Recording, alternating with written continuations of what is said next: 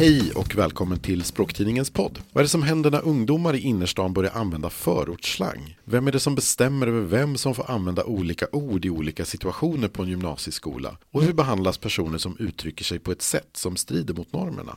Jag heter Anders Svensson och jag är chefredaktör för Språktidningen och jag är också ansvarig utgivare för den här podden. I det här avsnittet så ska vi prata om ungdomars syn på lämpligt och olämpligt språk. Dagens gäst, han är nybliven doktor i barn och ungdomsvetenskap vid Stockholms universitet. Välkommen Henning Årman. Tack så mycket. Du la ju alldeles nyligen fram din avhandling som ju då handlar om en gymnasieskola på Södermalm i Stockholm och Eh, under ett halvår så har du följt eleverna i klassrummet och på rasterna under olika möten och du följer med och du observerar, registrerar hur de pratar med och om varandra. Till att börja med det här arbetet, kan du berätta lite om hur, hur det gick till? Jo, men som du sa, jag har varit på en gymnasieskola i Stockholms innerstad och jag har gjort det som brukar kallas för deltagande observation på den här skolan. Alltså jag har följt ungdomar i deras skolvardag, både på i undervisningen eller i liksom klassrumsmiljön men också på rasterna och även följt med liksom ibland om jag fick följa med så följde jag med på ja, men någonting som hände efter skolan eller sådär. Men själva mitt eh, materialinsamling kretsade kring då den här skolan som ligger på Södermalm i Stockholm.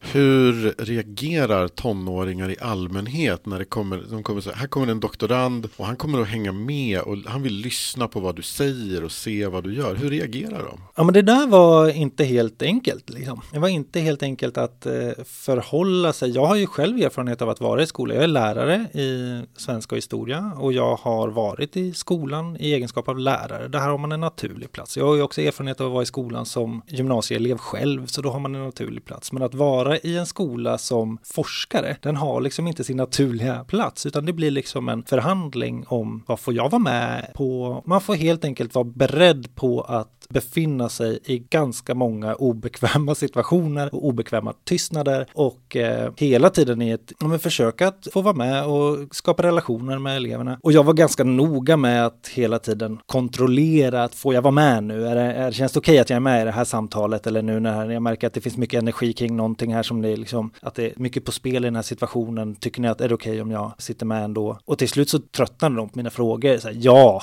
ja, vi har sagt att du får vara med. Du får vara med, bara vara med. Så, så att det lärde ju känna vissa elever bättre än andra och vissa grupper mer än andra och fick, tycker jag, väldigt här, bra relationer till eh, flera av, av eleverna på skolan. I avhandlingen så, ja, men du tar ju bland annat upp hur förortsslang används då i innerstan på den här skolan. Och förortsslangen är ju någonting som har ja, men på många olika sätt uppmärksammats under ganska lång tid och på senare år kanske inte minst då genom mycket hiphop-texter. Och jag tänker att vissa av de här artisterna, det har ju varit så oerhört omdiskuterat på sistone just att vissa av de här artisterna har ju kopplingar till kriminalitet och samtidigt så är ju slangen i sig, om man inte lyssnar på språkvetare utan om man snarare ser hur slang beskrivs i samhällsdebatten på olika håll så kan det ofta talas om den som någonting, ja men det är torftigt, det är orytmiskt och till och med kanske någonting som är lite osvenskt. Det finns en debatt om slang som är helt annorlunda från sig hur vi pratar om vanliga svenska dialekter. Så jag tänker det här med att, att slangen i vissa då, inte, inte i alla sammanhang, men i vissa sammanhang verkar ha ganska låg status. Hur kommer det sig? Ja, men det där tycker jag är superspännande, just det här som du beskriver. Hur förortsslangen har blivit en arena där man kan liksom diskutera och dra gränser mellan svenskhet och inte svenskhet och invandrarskap och kontra svenskhet och så. Jag bygger min forskning delvis på det som Rickard Jonsson och Thomas Milani har skrivit kring det här. De har ju pekat på att i en liksom svensk kontext där man har sett sig själv som att Sverige är ett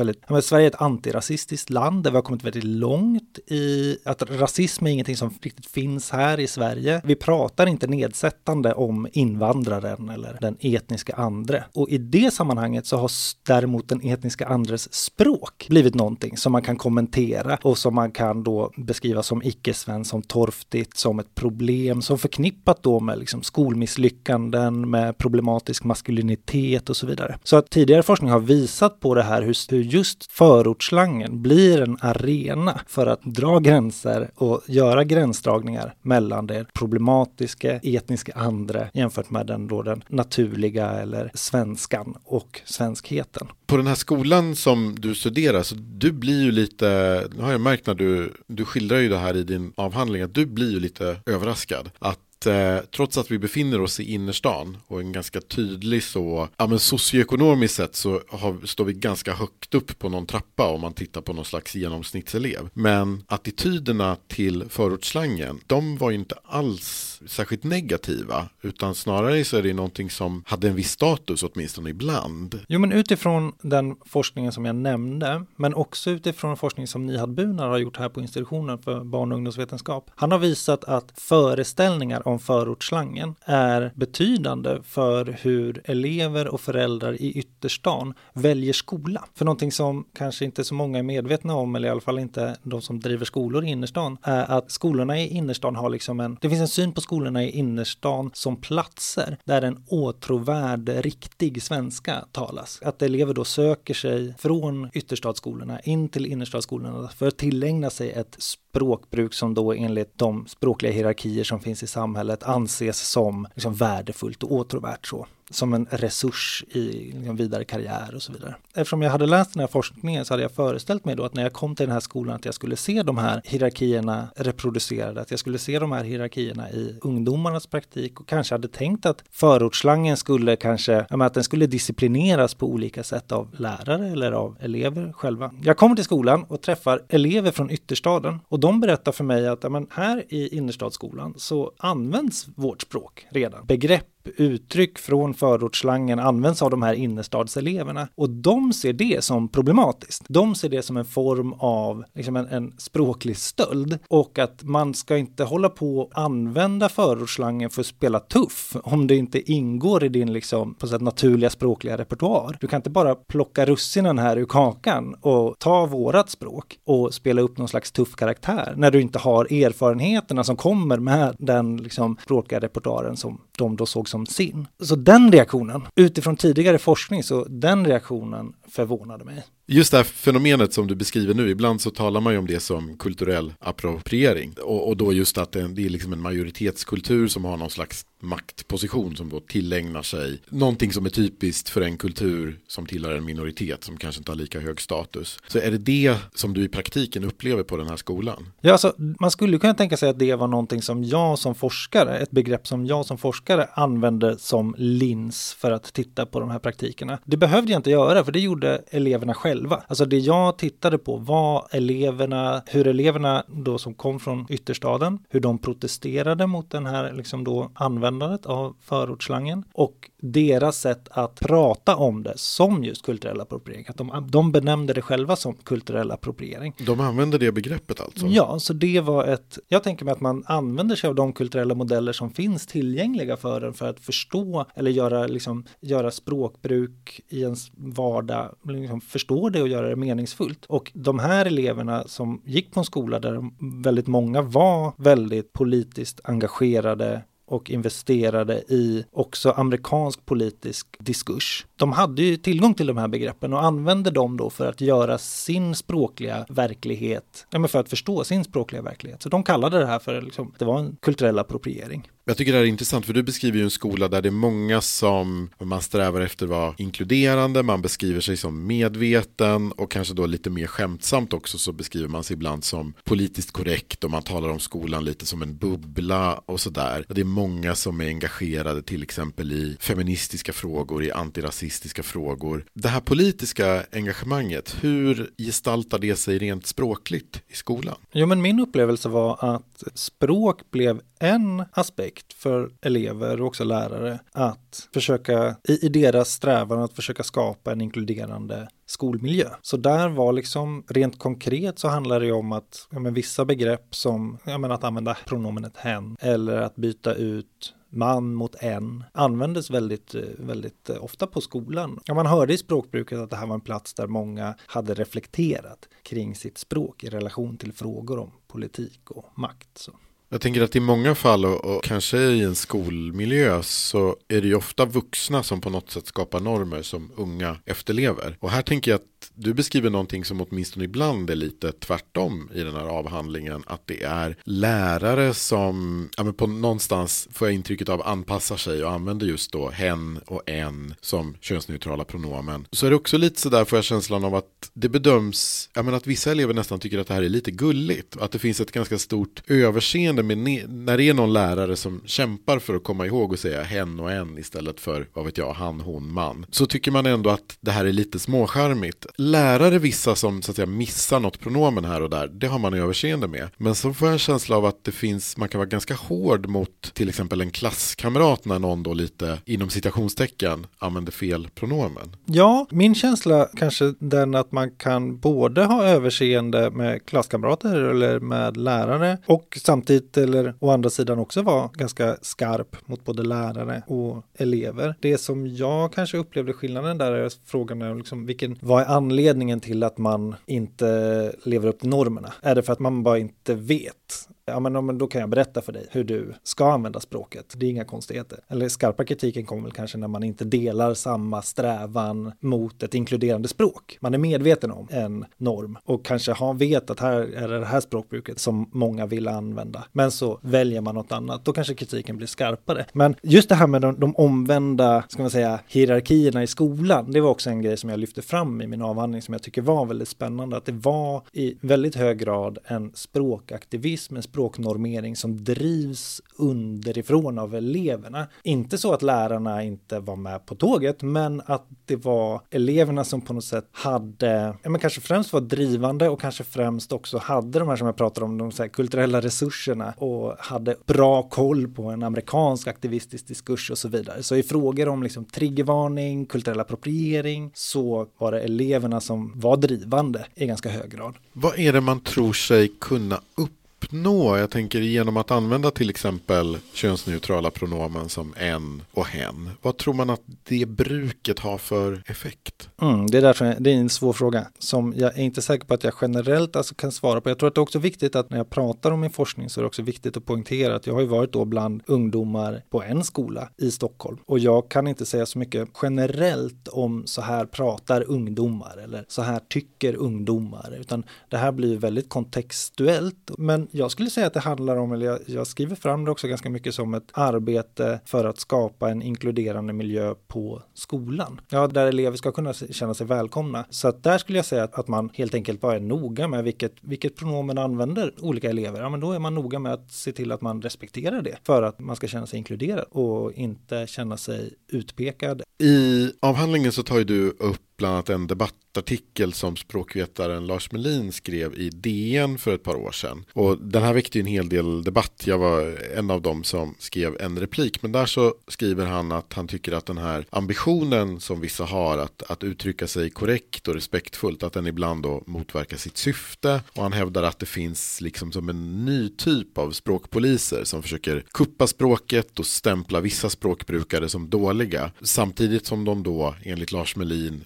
med hjälp av nya ord och någon slags då språklig fernissa så försöker man liksom dölja den verklighet som finns bakom många laddade ord. Och han tyckte att det gjorde människor ganska ängsliga när det hela tiden kom nya rekommendationer för vilka ord man skulle använda om de här förändrades för ofta. Och så tog han upp exempel som handikappad, indian och byggherre. Och han talade också då om att Eh, det skulle finnas en rädsla för att använda alltså, ja, inom citationstecken fel ord. Samtidigt som man kanske då bytte då till att nu säger vi person med funktionsvariation snarare än handikappad till exempel. Så kanske inte det här ordbytet i sig har bidragit till någon förändring. Vi har fortfarande samma attityder till den här gruppen. Det är kanske lika stigmatiserat. Men det jag tycker du skildrar i den här avhandlingen det är att det ganska uppenbart ändå finns en tro hos ganska många elever att den här typen av språkbruk, alltså just ambitionen att på olika sätt vara inkluderande, att den faktiskt har betydelse. Hur resonerar eleverna kring den här typen av frågor? Ja, eleverna som jag mötte, för dem så upplever jag det som att många tyckte att det var en självklarhet att bemöta en annan person med respekt, också språkligt i bemärkelsen att okej, okay, men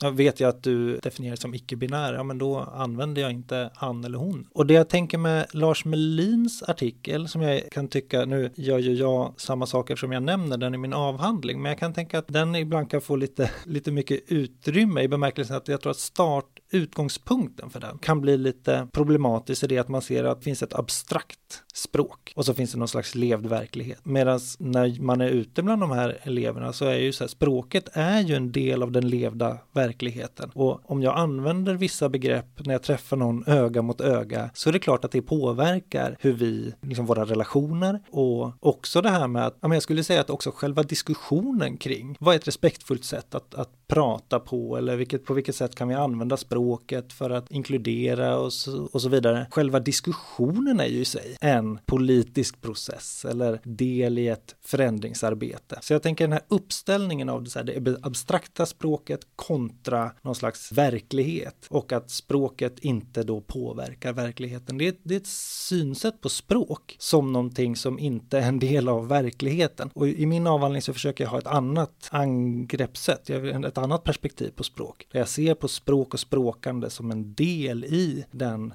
liksom levda erfarenheten, levda verklighet som människor är i och möter. Och sen skulle jag vilja liksom ge, det gör jag i avhandlingen också, jag skulle vilja ge Melin en poäng i det, att det också, ja, nu skrev ju du en av, en av replikerna, men i den debatten som fanns så finns det liksom, det kan bli lite polariserande, där det å ena sidan finns en, de som anser att det här är bara besserwissrande, ett språkpolisande, där man inte får säga vissa ord och där det liksom är i den här, ja men som du nämner, att man hamnar i någon slags euphemism treadmill, alltså vi bara byter orden men vad spelar det för roll om jag säger lokalvårdare, blir arbetssituationen bättre för det? Å andra sidan så finns det liksom ett läge då, eller de som svarade på hans artikel med att jo, men, jo språket är ett väldigt bra sätt att arbeta kring att ifrågasätta normer och så vidare. Det som de inte riktigt svarar på det är just det som Melin tar upp det här med att den språkaktivismen, den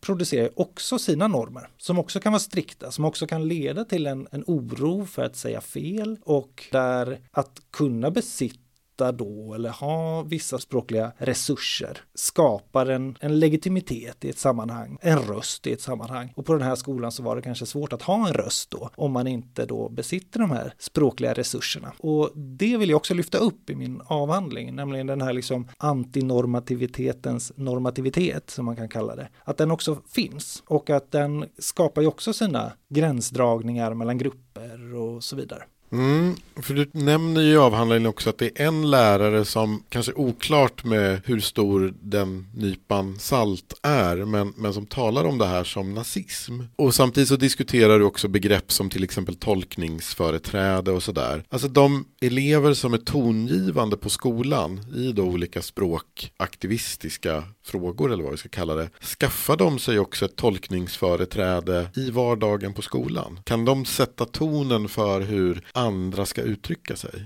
Jag upplevde det på skolan som att tolkningsföreträde var någonting ganska centralt när man debatterade olika frågor om rasism och så vidare. Och då handlade tolkningsföreträde för eleverna inte så mycket om vem besitter kunskap kunskaperna, utan snarare vem har erfarenheterna? Vem kan prata om det här utifrån ett inifrån perspektiv? Vem har erfarenheterna av strukturell rasism i samhället? Då kanske vi ska lyssna särskilt till de här erfarenheterna och berättelserna. Så det skulle jag säga är liksom den som jag förstod elevernas förståelse av tolkningsföreträde. Sen blir det ju också då att om man är slipad i den här aktivistiska retoriken, då kan du också äga en röst på den här platsen på ett sätt som man kanske inte gör om man inte är slipad. Och kanske framförallt om man inte känner sig slipad. Det var flera som jag pratade med som upplevde liksom när de började på den här skolan att de, ja men alla runt omkring är så himla bevandrade i den här diskursen, de kan de här begreppen öppen och sitter och liksom helt eh,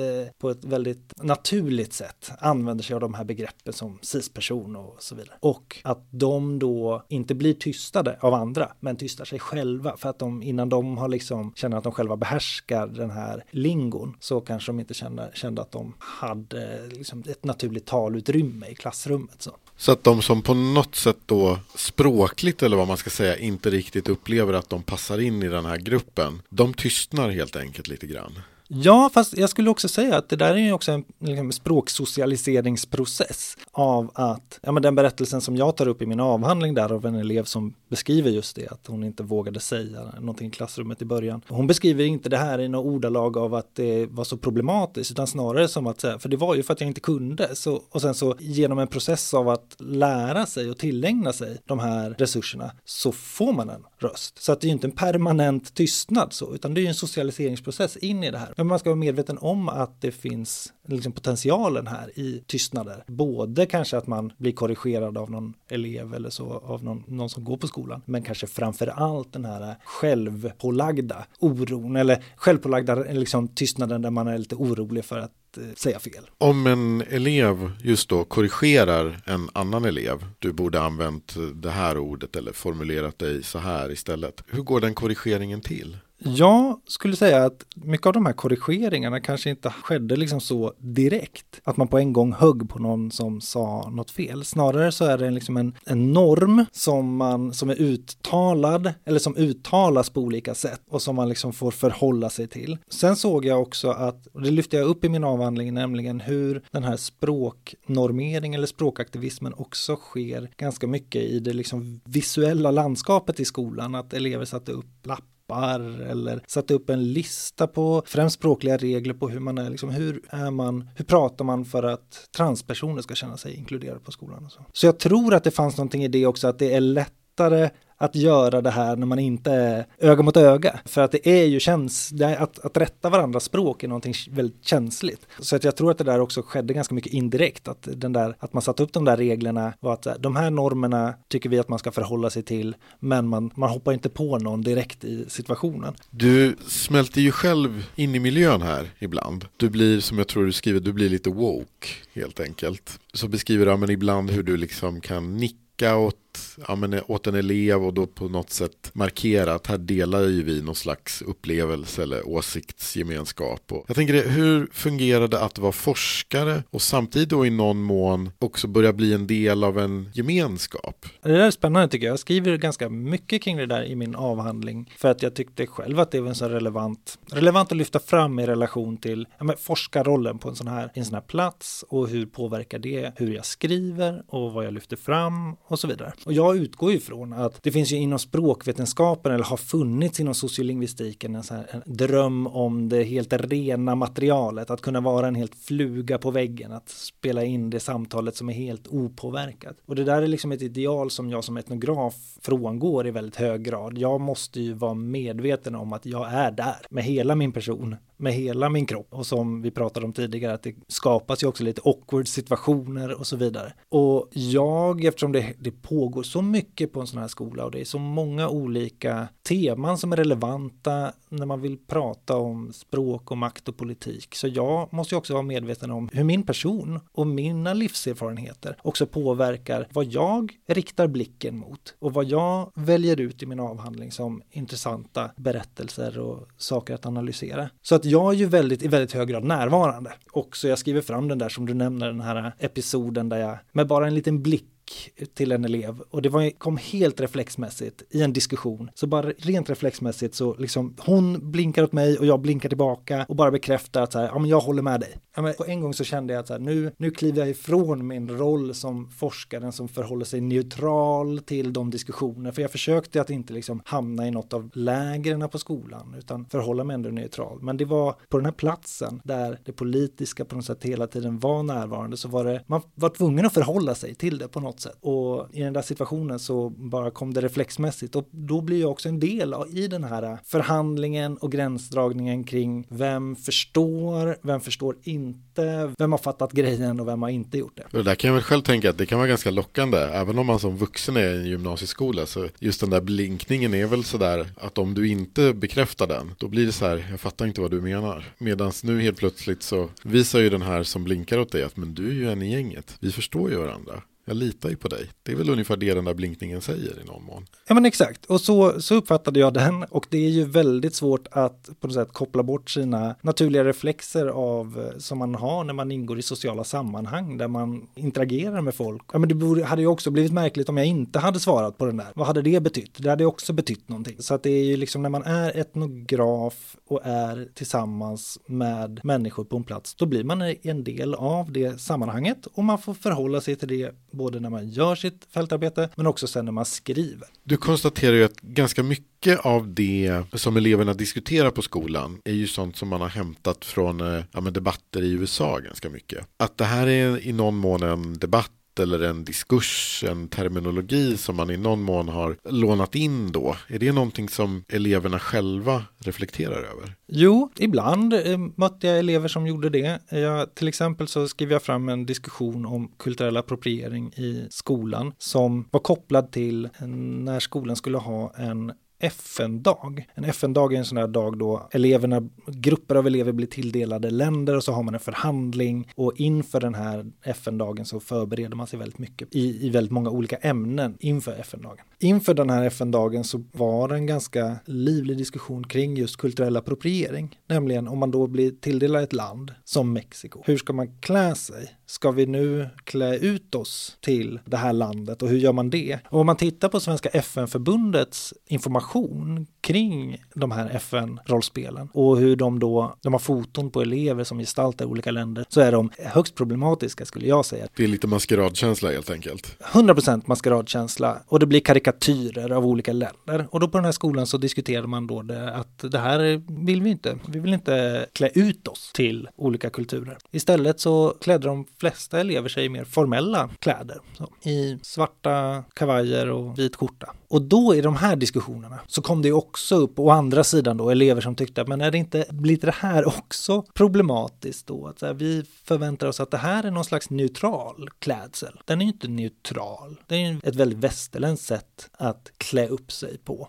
att vara formell på. Det finns andra sätt att vara formell på. Är inte den här homogeniteten som vi nu skapar, är inte den ett problem i sig. Så absolut, det fanns ju liksom en diskussion kring, säga, om vi använder det här begreppet kulturell appropriering, producerar det andra problem då, om vi då ska försöka leva upp till de här normerna, att inte klä ut oss till någonting. Så ja, det fanns väl en diskussion, men jag skulle inte säga att, för det var någonting som jag själv har funderat på att skriva mera om, nämligen vad, på, vad händer när man tar amerikansk diskurs, amerikansk aktivistisk diskurs och approprierar den och använder på en svensk kontext. Vad händer i liksom hur vi förstår politik, makt, relationer med mellan majoritetssvenskar och minoritetssvenskar och så vidare när vi använder oss av de här begreppen. Hade tyvärr inte utrymme att skriva mer i avhandlingen. En dag så kommer du till skolan och så ser du att på en vägg så har någon skrivit att alla som är queer ska få en kram. Och det här är ju förstås säkert oerhört väl menat men alla tolkar det inte så. Vad är det som händer när det här blir en diskussion på skolan? Ja, men det är på en toalett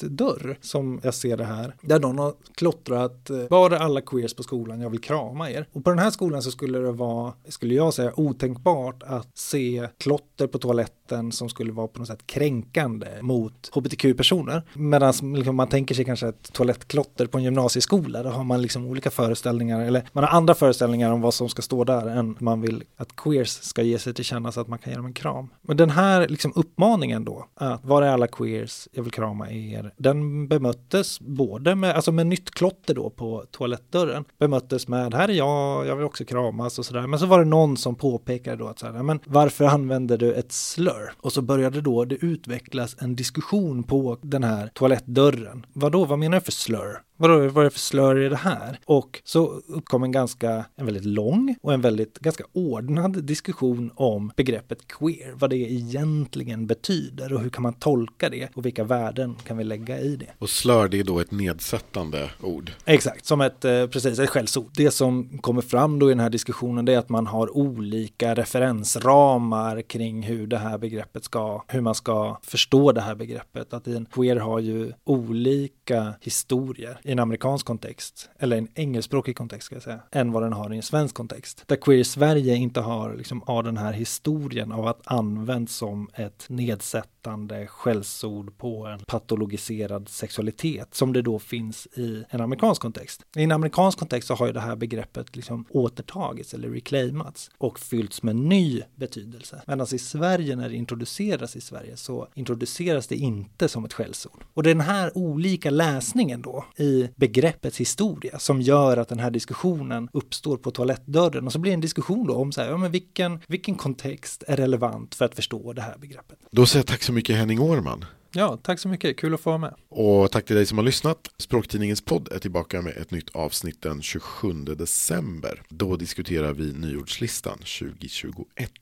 Prenumerera gärna på oss i din poddtjänst och ge oss gärna en recension, en tummen upp eller en stjärna eller vad som nu finns i din poddtjänst. Och följ oss också gärna i sociala medier så att du inte missar något avsnitt. Vi finns på Facebook, Instagram, Twitter och LinkedIn. Om du är nyfiken på Språktidningen och vill teckna en prenumeration så kan du gå in på språktidningen.se. Tack så mycket och på återhörande.